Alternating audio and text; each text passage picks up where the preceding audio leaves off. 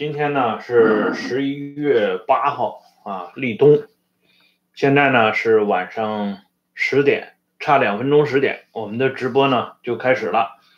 今天我们继续来讲一下毛泽东在接班人问题上的思考下集。今天呢就要谈到毛泽东与王洪文。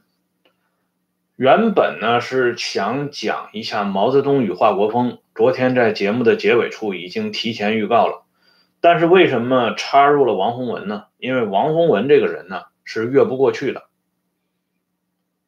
啊，因为毛泽东最后选择的两个接班人，一个王洪文，一个华国锋，所以呢，你要不谈王洪文，直接越到华国锋，那么中间有一些问题呢，可能就显得非常突兀啊。因此呢，我们先来介绍一下王洪文。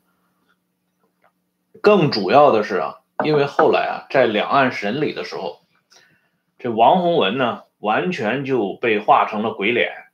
这个人呢，呃，后来有个著名的漫画连环啊，漫画连环画啊，就是范增啊，那个沈从文的学生。这个人在文革当中的一些呃丑陋的表演啊，大家看一下沈从文的回忆就知道了。范增呢是一个风派人物啊，这个江青在台上的时候呢，他就是。专门喜欢搞一些法家的作品推出来。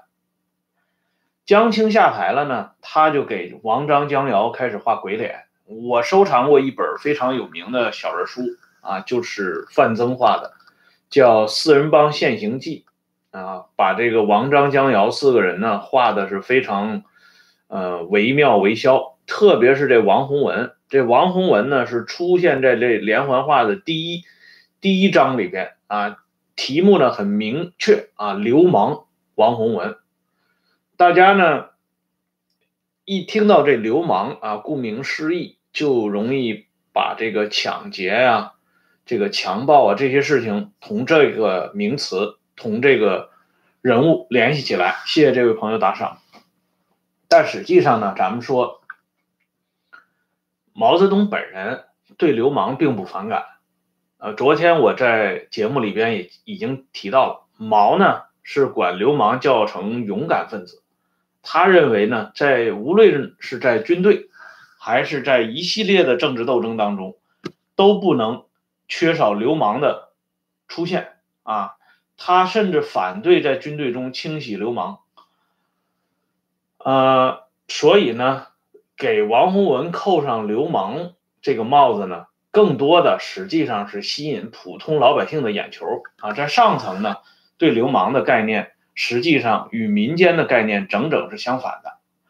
还有一个呢，就是我们都知道给江青扣上了叛徒的帽子啊，实际上呢，叛徒这个词呢，通常是在文化大革命当中呢用来整对立面的啊，所以最后给江青也扣上个叛徒。当然，江青在政治历史上确实有不清楚的地方。不过呢，对于叛徒，啊，毛泽东自己呢还有另外一番看法。他认为呢，革命什么叫革命呢？革命就是招降纳叛。啊，他说的很直接。毛这个人呢，在很多重点问题上，从来是直来直去，没有那么多掩饰。为什么他说革命是招降纳叛呢？他说的就更通俗一点，就是革命无非是把你的人。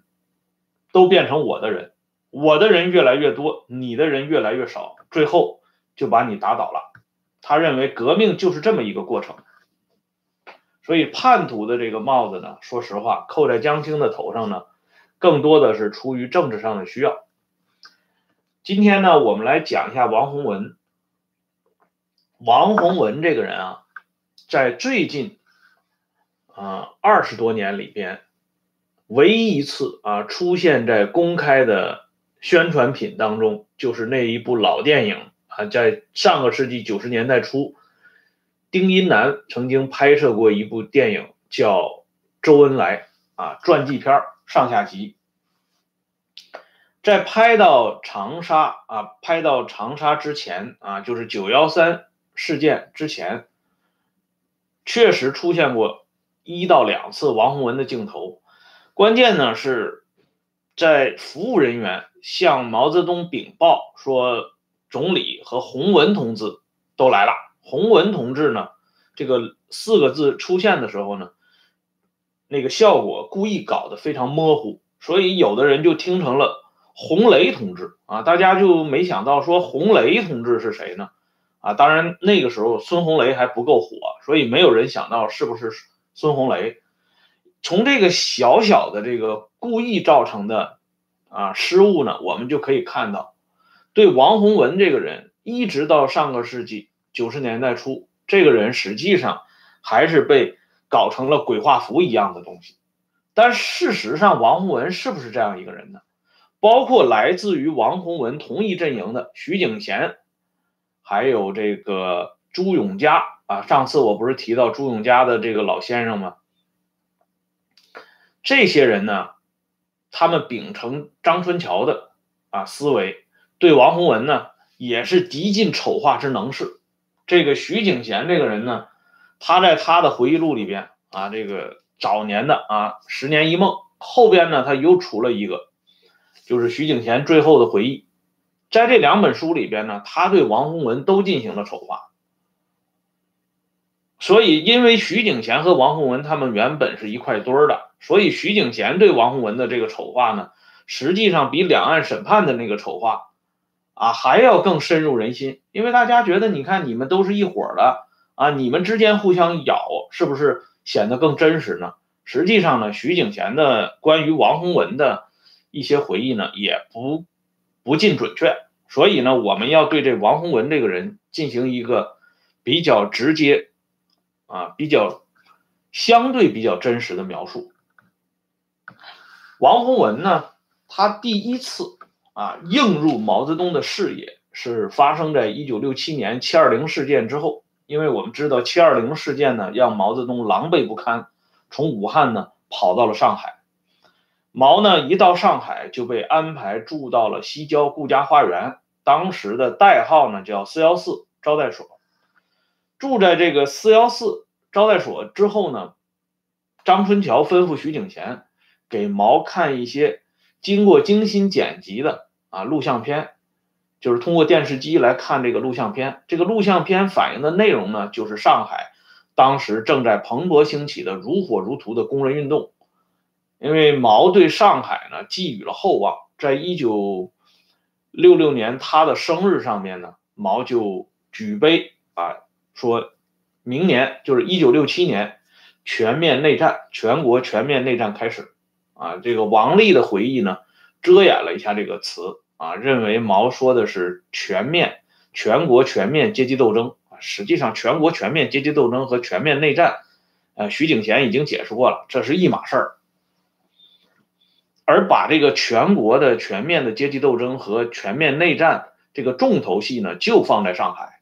所以，一九六七年呢，上海在中国的这个政治历史舞台上，那是大放异彩啊。张春桥扮演了相当重要的角色啊。因此呢，张春桥把这些上海的啊声势壮大的工人运动放给这个惊魂甫定的毛泽东看，实际上也是等于给毛打了一针强心剂。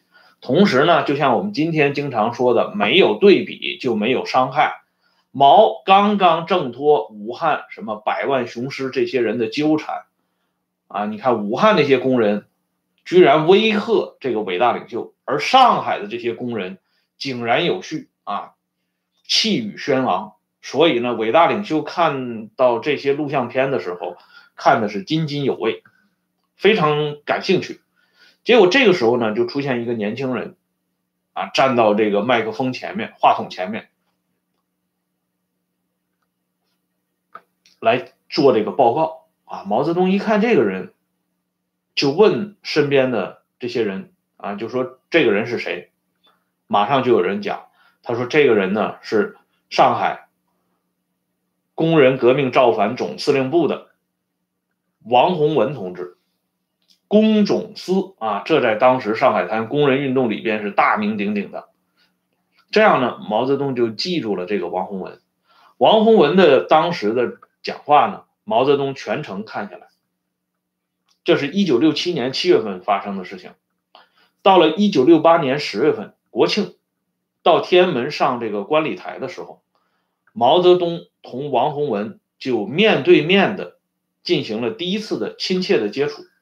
这一次接触呢，给毛泽东留下的印象实在是太深了。毛呢，等王洪文一坐下，毛首先就讲，他说：“你这个人我知道，你叫王洪文，啊，草头王的王，黎元洪的洪，啊，文化大革命的文。”毛泽东用这样一个开场白，这里边呢不乏带着一些诙谐幽默，更主要的呢是他对王洪文这个印象很好，所以你看他用的这个词。啊，他还是专门进行了精心的排列。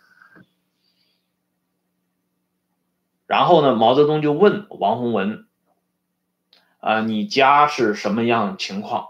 你这这个履历是怎么样？因为毛要了解一个人呢，通常要进行一次谈话，察察言观色，啊，听他讲述他自己过去的事情。王洪文呢，就讲他是。”生在一九三五年，啊，毛一听呢，又说：“那你是满洲国的人了，啊，因为一九三五年嘛，当时东北正处在伪满洲国的啊统治之下。”然后呢，这王洪文呢就介绍一下家里的情况。这个在这这个上面呢，王洪文其实还没有说实话，因为王洪文的老妈呢。曾经参加过一九四九年以后被定性为反动会道门的一贯道，但是王洪文的老妈参加一贯道实在是因为生活所迫，因为参加到这个所谓的反动会道门里边呢，就能够分点这个玉米面大饼子，啊，分一点这个高粱米饭，实际上是为了生活，啊，并不是说他真的信仰这个东西，他也搞不清楚，啊，一贯道到底是搞什么东西的。但是这个事情呢，王洪文肯定不会向毛泽东做介绍了。毛毛泽东呢，主要关注的是王洪文成年以后的经历。王洪文讲啊，他曾经在部队里当过警卫员。毛泽东对这个事情很感兴趣啊，毛马上就问：“你是在哪个部队呢？”王洪文说：“我在二十七军。”二十七军，毛呢，马上就把这个军的军长的名字说出来了啊，尤太中，四方面军的。啊，尤大麻子毛呢说了这么一番话。王洪文在这个时候呢，给毛就讲了一个故事。啊，王洪文讲什么故事呢？他说，军长他们呢，就是战备意识非常强。他要求呢，我这个警卫员有的时候呢，要兼做司机的任务，所以呢。我有一次给军长开车，车停在外面啊，是吉普车啊。我呢一直就没有熄火，这个车始终在发动着。所以军长出来一拉门一上来，看到这个车还在发动着，军长非常高兴，就说了一句话啊，说小伙子，你不错，安不忘危啊，说了这么一句话，然后呢车就走了。王洪文讲这个事情呢。毛泽东非常感兴趣，所以毛的这个身体呢，就向王洪文这个方向呢倾斜了一下。然后他让王洪文继续讲，啊，王洪文后来就讲他复员以后，到这个上海国棉十七厂，啊，后来担任了保卫干事、保卫科干事，包括他后来的这个造反，还给毛讲了一下他贴的第一张大字报，啊，揭露党委的画皮。毛听的是相当。有兴趣，毛呢还专门问了一下王洪文，就是说你现在已经到了上海市这个领导班子这个层面了，那么你现在的这个时间和工作上的安排是什么样的？王洪文这个人很机灵啊，他知道毛的一些兴趣和爱好，他也是之前也是琢磨过毛泽东的。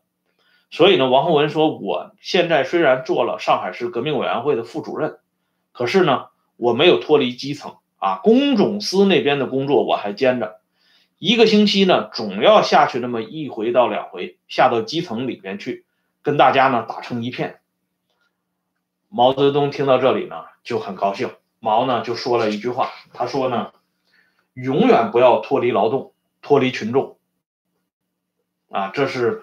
毛泽东当时呢对王洪文的一个期望啊，就是这个整个的谈话在一个非常友好、非常和谐啊、非常舒服的气氛当中结束了。不过呢，这这实际上是刚刚的开始，因为接下来呢，在中共八届十二中全会，这是最重要的一次会议啊。这次会议呢，通过了对刘少奇的最终裁决啊，把刘少奇定义为叛徒、内奸、公贼。在这次会议的，就是十月十三号全体会议的时候，毛泽东专门表扬上海，啊，说上海比北京强，一百二十万工人掌握了局势。到第二天，到十月三十一号的闭幕式的会议上呢，毛泽东对全体中央全会的人员说：“我给大家介绍一个人，此人叫王洪文，啊，站起来给大家看一下啊。”王洪文就赶紧站起来了。毛泽东接着说：“他是上海工种司的负责人，上海革命委员会的委员啊。”然后他就问王洪文：“你多大了？”王洪文说：“三十四岁。”啊，毛泽东说：“安亭事件就是他搞的。这次会议有年轻的同志参加很好，但是太少了。言外之意呢，就是说像王洪文这样的人实在是凤毛麟角。这是毛第一次。”啊，向中央、上向全体、向公众推出王洪文，啊，这就表达出毛泽东对王洪文这个印象，那是相当之好。可以说呢，王洪文在与毛的第一次的接触当中呢，分数相当高。而接下来的事情呢，我们都知道。就遭遇了著名的九幺三事件。这一次事件呢，实际上也是王洪文进一步得分的一个平台。因为当时上海有一个重要的人物啊，空四军政委王维国，这是林彪家族的一个重要骨干和亲信啊。三国四方嘛，指的就是江腾蛟。啊，王维国、陈立云这些人，这四个人，所以，在抓捕王维国啊，当九幺三事件结束以后，抓捕王维国的时候，王洪文那是亲自出马。毛泽东在南巡过程当中呢，也是专门召见王洪文和王维国上火车。毛泽东对王洪文还是一如既往的寄予了厚望。啊，王洪文也没有给毛泽东丢脸，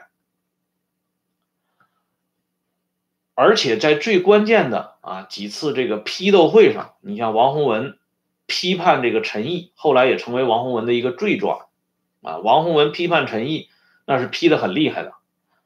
他呢批判之后呢，啊，党内高层给王洪文的这个批判定了个调子啊，说这个王洪文同志呢，虽然年轻。但是他一下子就把这个老右倾机会主义者陈毅的画皮给扒了下来，毫不留情面。啊，对王洪文批判陈毅，那是做了很高的评价的。在抓捕空四军政委啊王维国和抓捕空五军政委陈立云这两件事情上呢，王洪文再立新功。本来呢，当时的考虑，因为考虑到王维国呢是一个军人出身，他是参加过所谓的解放战争的啊，在一九五五年呢还被授予过军衔在一九六零年晋升了空军大校军衔，所以考虑到如果王维国要反抗怎么办啊？这个人身上可能是会有手枪的啊，他要突然发生。反抗，遭遇到这个情况会怎么办呢？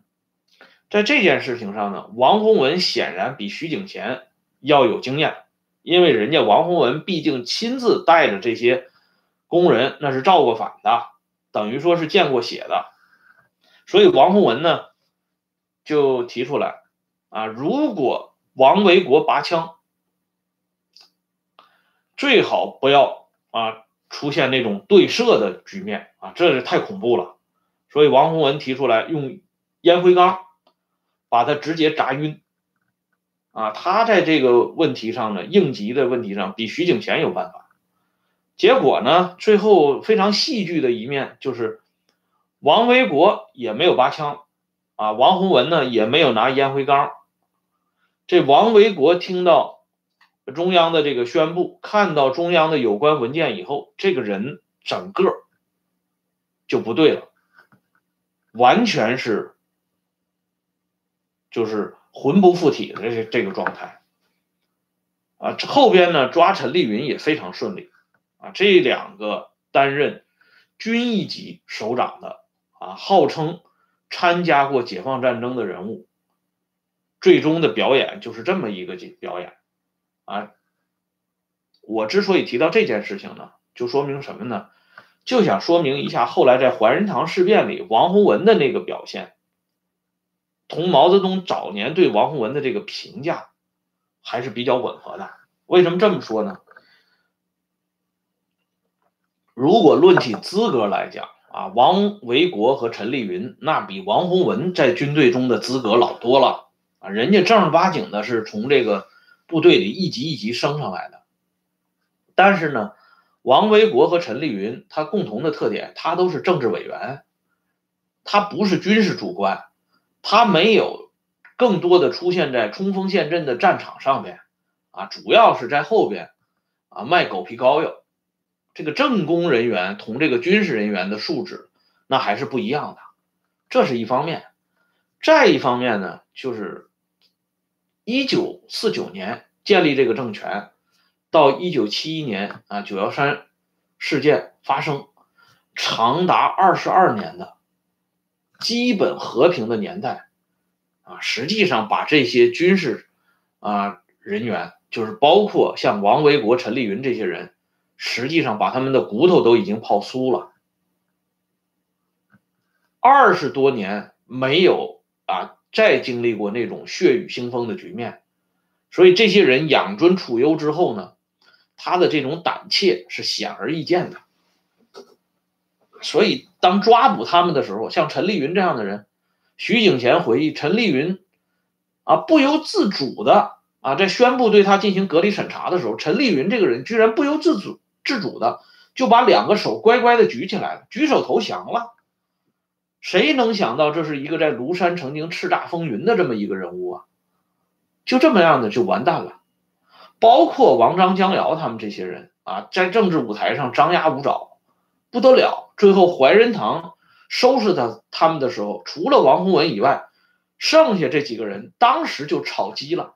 那姚文元真的连个声都不敢吭啊，乖乖的就跟人家走了。啊，江青也是默默无闻呐。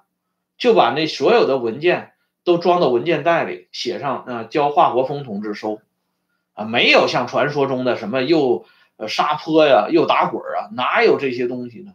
还真就王洪文有所表现啊。这王洪文的表现，我们在下一期里边给大家这个详细再讲一下。所以王洪文在完成这一系列九幺三事件之后，在上海、南京方面的善后工作之后呢，毛泽东。对王洪文的好感进一步加深。毛泽东呢，曾经啊掰过手指头讲过，这王洪文工农兵都干过，所以毛泽东当时提出来呢，说王洪文这个人我看行，啊，这个人经历很丰富，既抓过枪杆子。啊，也摸过锄把子，啊，关键呢是在文化大革命当中锤炼出来了，所以在中共十大前夕，就是他就把这王洪文呢调到了北京。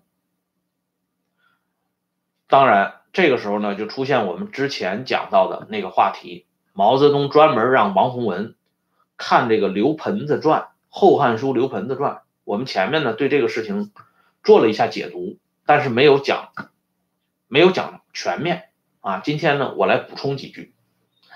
刘盆子传啊，大家可以看一下这个《后汉书·刘盆子传》。如果古文读不懂呢，你可以看一下翻译的白话文。这《刘盆子传》里边呢，有两个最关键的情节，一个是我已经之前说过的，就是当他们被俘，被光武帝刘秀啊俘俘获之后呢，刘盆子随机应变，这个应变能力很强啊，他向。刘秀呢告饶，但是告饶这个话呢说的又很艺术，所以刘秀呢就说：“你这个小子啊，翻译成白话说，你这个小子还挺狡猾的啊，我们老刘家没有白吃，就夸奖了这刘盆子一句。当然最后就保全了刘盆子的性命，这是一方面。还有一方面呢，就是赤眉军啊，这些人呢就是烧杀抢劫，都是流氓成性的。”这么一帮地赖流氓、流氓无产者嘛，呃，禁止不了啊，因为这些人呢，樊崇啊、啊杨殷呢、徐宣、谢露这些人手掌兵权，刘盆子一个放牛娃，他怎么能管管制得了呢？说多了不行，说浅了也不管用。这个时候呢，刘盆子的哥哥刘公呢，给刘盆子出了个主意。就是说，给他设计了这么一个剧本儿，但是剧本设计了，你关键还要有人来演呢。如果你这个演员演的不到位，不能把剧本呢很好的贯彻出来，那你这个戏不就是演砸了吗？对不对？问题在于呢，这个刘盆子演的很好，他呢首先把皇帝的玉玺呢解下来交到大家面前，这樊崇这些人一看就懵了。啊，说陛下，您这是什么意思呢？刘盆子说呢，我呢，其实就是个放牛娃啊，也没啥本事啊，偶偶然间抓阄啊，让你们把我捧上了天子的宝座。可是你们现在呢，烧杀劫掠这么胡来啊，留下了很多的骂名啊，你们挨骂不要紧，关键人家要最后把这个账呢算到我的头上。啊，我这个人实际上又不负实际责任，我又承担了这么多骂名，与其将来被人家千刀万剐，不如现在我就赶紧，我就立马我就溜了，我就不干了。这刘盆子就把整个这个剧本啊，很好的表演了一番。樊崇这些人一听到这里呢，赶紧就都纷纷下跪，口称陛下。山呼万岁！啊，说您千万别这么想，我们以后再也不烧杀劫掠了，啊，再也不抢老百姓东西了。毛泽东为什么给王洪文看《刘盆子传》呢？实际上关键点就在这里，因为王洪文啊，他进到北京的时候，年龄还不过三十六七岁啊。这个年龄比照起周恩来、叶剑英这些人，那是典型的儿童团呐。王洪文的实际年龄跟毛泽东的女儿啊，最小的女儿李讷差不了多少，两个人年龄前前后不差五六岁啊，和毛远新、李讷他们是同龄人，相当于那基本是毛泽东子女这一辈的，所以他没有经历过那些大风大浪。没有这些老一辈无产阶级革命家这么老奸巨猾，那么骤然一下子把你提到这么高的岗位上，由你来统帅和领导，或者说是间接领导这些老奸巨猾的无产阶级革命家，那你就像刘盆子领导樊崇、杨殷、徐宣这些人一样啊，你怎么才能很好的驾驭驾驭住他们？这《刘盆子传》里边就留了一个非常好的例子。什么例子呢？叫学会以退为进，啊，毛泽东呢后来曾经就总理位置没有给过张春桥啊，专门托人向张春桥做过解释。毛泽东说，遵义会议之后，我当了十年的副手。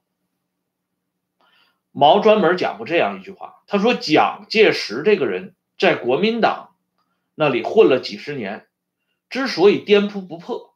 是因为蒋这个人学会了以退为进，这是蒋的优点。